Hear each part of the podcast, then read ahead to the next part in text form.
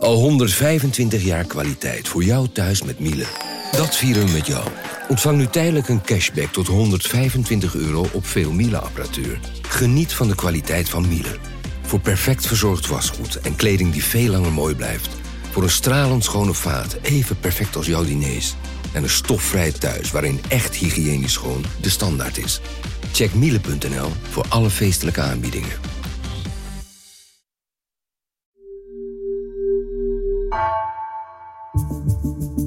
Vanaf de redactie van NRC het verhaal van vandaag. Mijn naam is Gabriella Ader.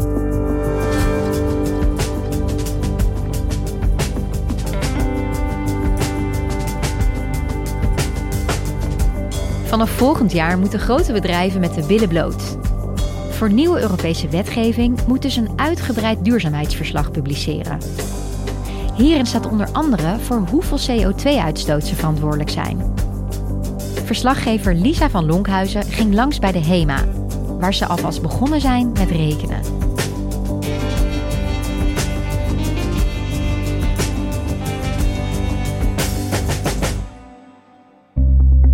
Ik ging naar het hoofdkantoor van HEMA in Amsterdam-Noord. Een groot gebouw aan het IJ. Het staat naast een HEMA-winkel. En in de hal van het hoofdkantoor, waar je dan eerst langs een grote HEMA-worst loopt, uh, zag ik Wilma Veldman, met wie ik een afspraak had. Zij is directeur inkoop van de HEMA. Kijk, hier is een, een beetje ons laboratorium, waar ook alle nieuwe designs en zo staan. En hier zitten we, hebben we kantine, we hebben ook bijeenkomsten. Ik ging bij haar op bezoek omdat de HEMA iets best wel bijzonders heeft gedaan. Zij hebben hun volledige CO2-uitstoot berekend en daarmee lopen ze vooruit op nieuwe Europese wetgeving. Want vanaf volgend jaar moeten grote bedrijven niet alleen hun financiële cijfers melden, maar ook de cijfers rondom duurzaamheid, milieu, goed bestuur. Dat soort dingen moeten ze allemaal in een jaarverslag gaan opschrijven. En dat is echt heel spannend voor bedrijven, dat ze zo met de billen bloot moeten eigenlijk. En ik was heel benieuwd hoe de HEMA, die dus al bezig is hiermee, hoe ze dat aanpakken en wat het voor hen gaat betekenen.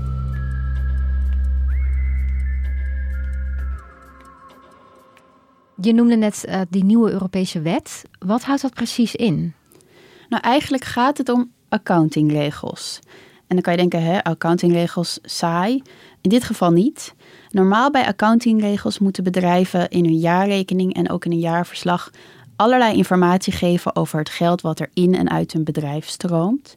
Uh, bijvoorbeeld hoeveel hun fabrieken waard zijn, maar ook heel veel informatie over hoe het gaat met het bedrijf en de risico's die ze lopen. Financiële risico's, risico's op datalekken. En zo krijg je eigenlijk een soort boekwerk met allerlei informatie over een bedrijf in één jaar. En uh, grote bedrijven moesten ook wel iets zeggen over klimaat daarin, over verduurzaming.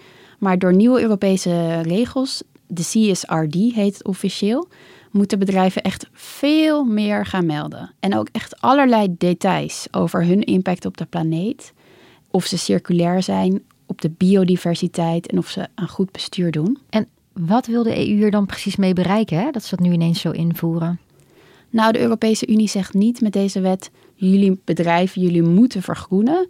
Maar deze wet zegt: zeg heel precies hoe groen of eigenlijk niet groen, hoe vervuilend jullie zijn. En dat is natuurlijk wel heel ongemakkelijk voor een bedrijf. Dus de EU hoopt dat als iedereen het kan lezen, wij journalisten, maar ook aandeelhouders en NGO's, dat bedrijven ja, dat als soort aansporing zien om sneller te vergroenen. Oké, dus het is dan geen dwangmiddel, maar toch een manier om een soort van incentive te zijn. Ja, precies. Uh, en eigenlijk ook zodat je als buitenstaander kan weten wat er nou echt gebeurt in een bedrijf. En wat voor dingen moeten ze dan delen? Waar moet ik dan aan denken? Ja, het is echt onwijs ingewikkeld en groot, deze wet. Er zijn meer dan 1100 punten waarover bedrijven moeten of mogelijk moeten rapporteren. Het is echt heel erg veel. Denk aan precies de CO2-uitstoot. Uh, alles zeggen over de vervuiling die uit de fabriek komt. Metalen die ze winnen in verre landen. Of dat slecht is voor de natuur hoe de werkomstandigheden daar zijn, maar ook waterverbruik, plastics dat ze gebruiken, welk soort plastic. En dan ook nog goed bestuur, dus bedrijfsongevallen, diversiteit aan de top. En het gaat bijvoorbeeld ook over hoe kwetsbaar een bedrijf zelf is voor de buitenwereld. Dus uh, staan er fabrieken in gebieden die kwetsbaar zijn voor, voor extreem weer, voor overstromingen. En uh, heeft een bedrijf eigenlijk nagedacht over hoe ze gaan vergroenen? Dan wordt er ook gevraagd: heb je een transitieplan? En zo ja, heb je ook berekend hoeveel jou dat gaat kosten? Wat aandeelhouders natuurlijk super interessant vinden, al die cijfers. En Hema die zag dus dat er zo'n ingewikkelde wet op ze afkwam. Dus die dacht, wij beginnen vast en dan in ieder geval met die CO2-uitstoot. Als je zegt HEMA die is vast begonnen, hè? hoe zijn ze dat dan gaan doen? Nou, ze dachten eerst waar beginnen we, op welk moment? Hebben ze het jaar 2019 voor gekozen? Want afgelopen jaren waren er veel winkelsluitingen door corona. Dus dat was eigenlijk een beetje een neutraal jaar. En daar zijn ze helemaal in gedoken. We hebben dat samen met een partner gedaan die daar veel ervaring in heeft. Die ook die datapunten uit de markt al best wel kent. Die ze ook weet waar ze naar moeten vragen. Hoe we dat allemaal in kaart kunnen brengen. En daar hebben we zo'n jaar aan gewerkt ongeveer. Ze hebben bijvoorbeeld gekeken naar de vervuiling bij het telen van hun grondstoffen, zoals katoen. Uh, denk aan de rompertjes, uh, de uitstoot van de fabrieken, het vervoer, uh, vaak uit Azië, elektriciteit in de winkels. En dan moesten ze ook nog kijken naar de klanten die de producten gebruiken van HEMA. bijvoorbeeld de energie van de waterkoker die zij verkopen. Dus wat ook wordt meegerekend erin is wat ik koop als gebruiker. Ja, en dat heet dan scope 3 in deze wereld. Dat gaat onder andere over de uitstoot zeg maar, van de gebruikers van je producten. Dat lijkt me echt zo'n enorme klus. Hoe, ja, hoe begin je daaraan? Het is ook wereldwijd dus. Ja, dat is echt ongelooflijk ingewikkeld. Je moet in allerlei verschillende systemen kijken. Je moet soms echt nog gewoon meetapparatuur installeren. En je moet je voorstellen, de HEMA heeft 30.000 verschillende artikelen in hun winkels liggen. Dus dat moeten ze van allemaal ongeveer gaan berekenen, of niet? Ja, ze hebben gezegd, we gaan het niet voor elk artikel afzonderlijk doen. We gaan niet de blauwe rompertjes ten opzichte van de groene rompertjes allemaal uitzoeken. Maar ze hebben productgroepen gemaakt waarvoor ze dat berekenden.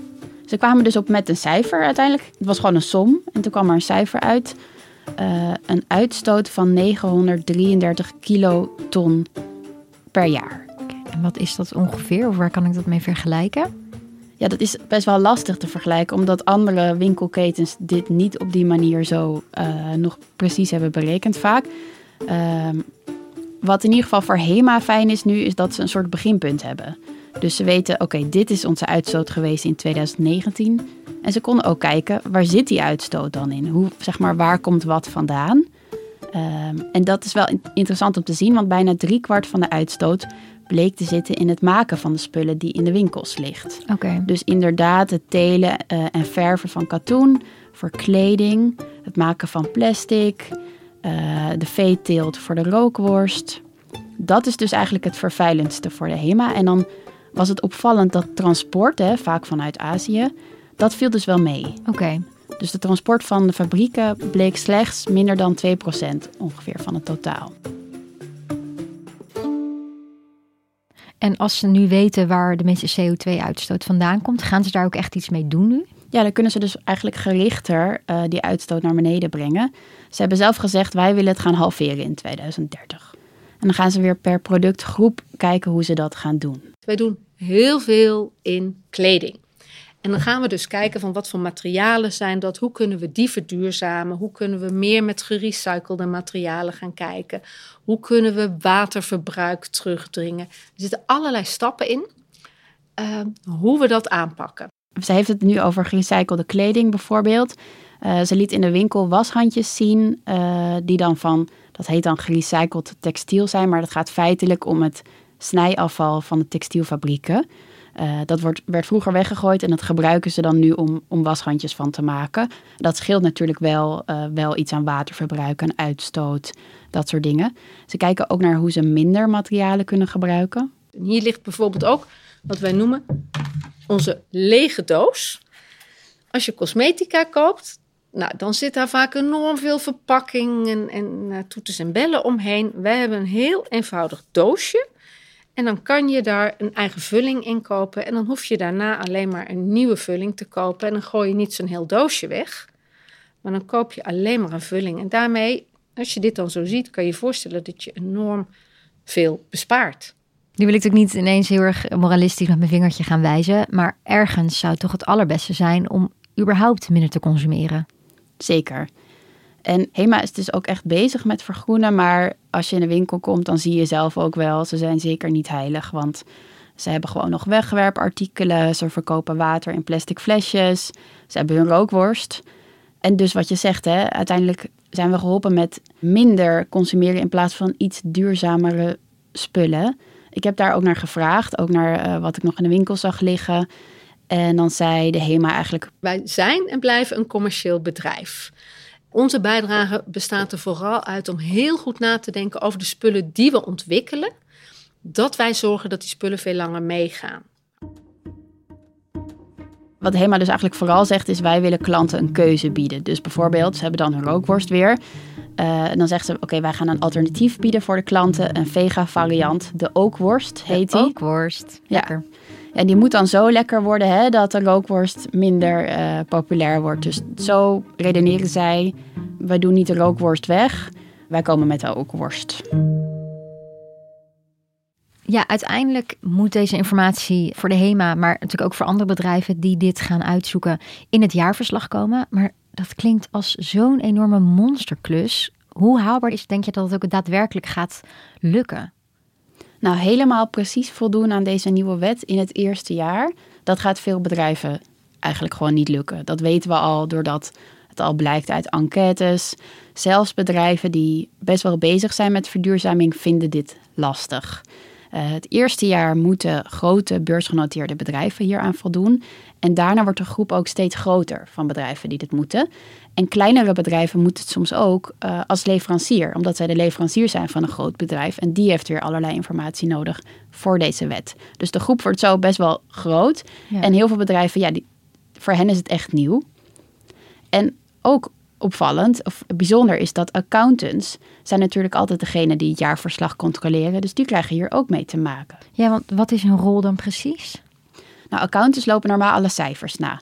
Dus die zijn een aantal uh, maanden of weken met een bedrijf heel druk bezig. Kloppen de cijfers uit de jaarrekening? Klopt de tekst uit het jaarverslag? Kloppen die cijfers met de tekst uit het jaarverslag? En dan gaan ze in gesprek met bedrijven, vragen ze om onderbouwing. Uh, en als ze dan vinden dat een bedrijf alles netjes opschrijft, dan geven ze een goedkeurende verklaring. Een soort stempel dat het oké okay is. En die moeten dan nu ook opeens gaan kijken naar die CO2-cijfers. Ja, dus dat is heel bijzonder nu, want zij zijn van oudsher van de financiële cijfers. Totaal anders dan milieu, klimaat, ja. uh, diversiteit. Uh, dus daar heb ik veel over gesproken afgelopen tijd met allerlei accountants. Uh, zo ook Mark Vase, hij is partner van KPMG, groot accountantkantoor en advieskantoor van Nederland.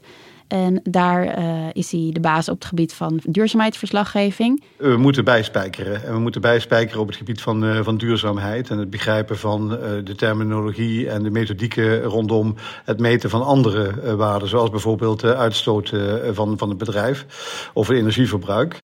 Hij vertelde dus dat om dit goed te doen, ze bij accountantkantoren met hele andere soorten teams moeten gaan werken. En ze nemen dus ook allerlei niet-accountants aan. Denk aan marinebiologen, aardwetenschappers, mensenrechtenjuristen, om dit allemaal goed te kunnen gaan controleren. Als je zegt, nou, we hebben bijvoorbeeld over uh, plastic en plastic soorten en de invloed die dat kan hebben op biodiversiteit in de oceanen. Hè?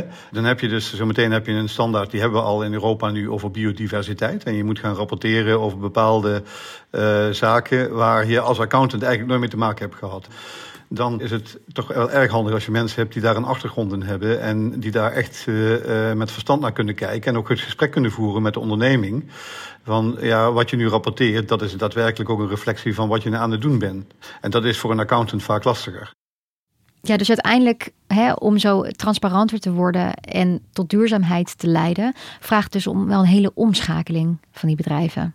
Dat is wel te hopen, maar er is natuurlijk ook altijd de vraag: hè, wordt het een beetje een papieren tijger. Wat accountants wel zeggen is, dit is natuurlijk allemaal bedoeld dat bedrijven dat echt in hun strategie gaan verankeren. Dus dat ze niet, weet je wel, allemaal vinkjes zetten en allemaal dingen gaan vertellen, maar dat ze ook echt vergroenen. Kijk, eh, uiteindelijk is rapportage maar een middel om verantwoording af te leggen. En het gaat er veel meer om dat je binnen je strategie dit echt verankert. En dat je zegt van nou goed, eh, ik ga mijn bedrijfsmodel zo aanpassen dat ik minder uitzoon heb.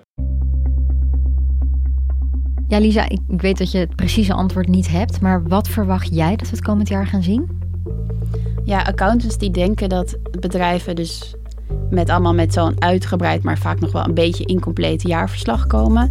En dan ook heel erg naar elkaar gaan kijken van, oh, wat heeft die gedaan? Wat heeft mijn concurrent gezegd? Moet ik dat volgend jaar ook gaan zeggen?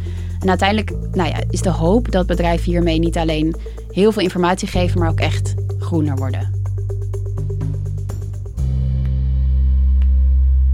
Dankjewel, Lisa. Graag gedaan.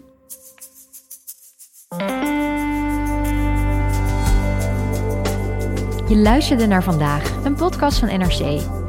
Eén verhaal, elke dag. Deze aflevering werd gemaakt door Mila Marie Bleeksma en Jan-Paul de Bond. Coördinatie Henk Ruigrok van de Werven. Dit was vandaag, morgen weer.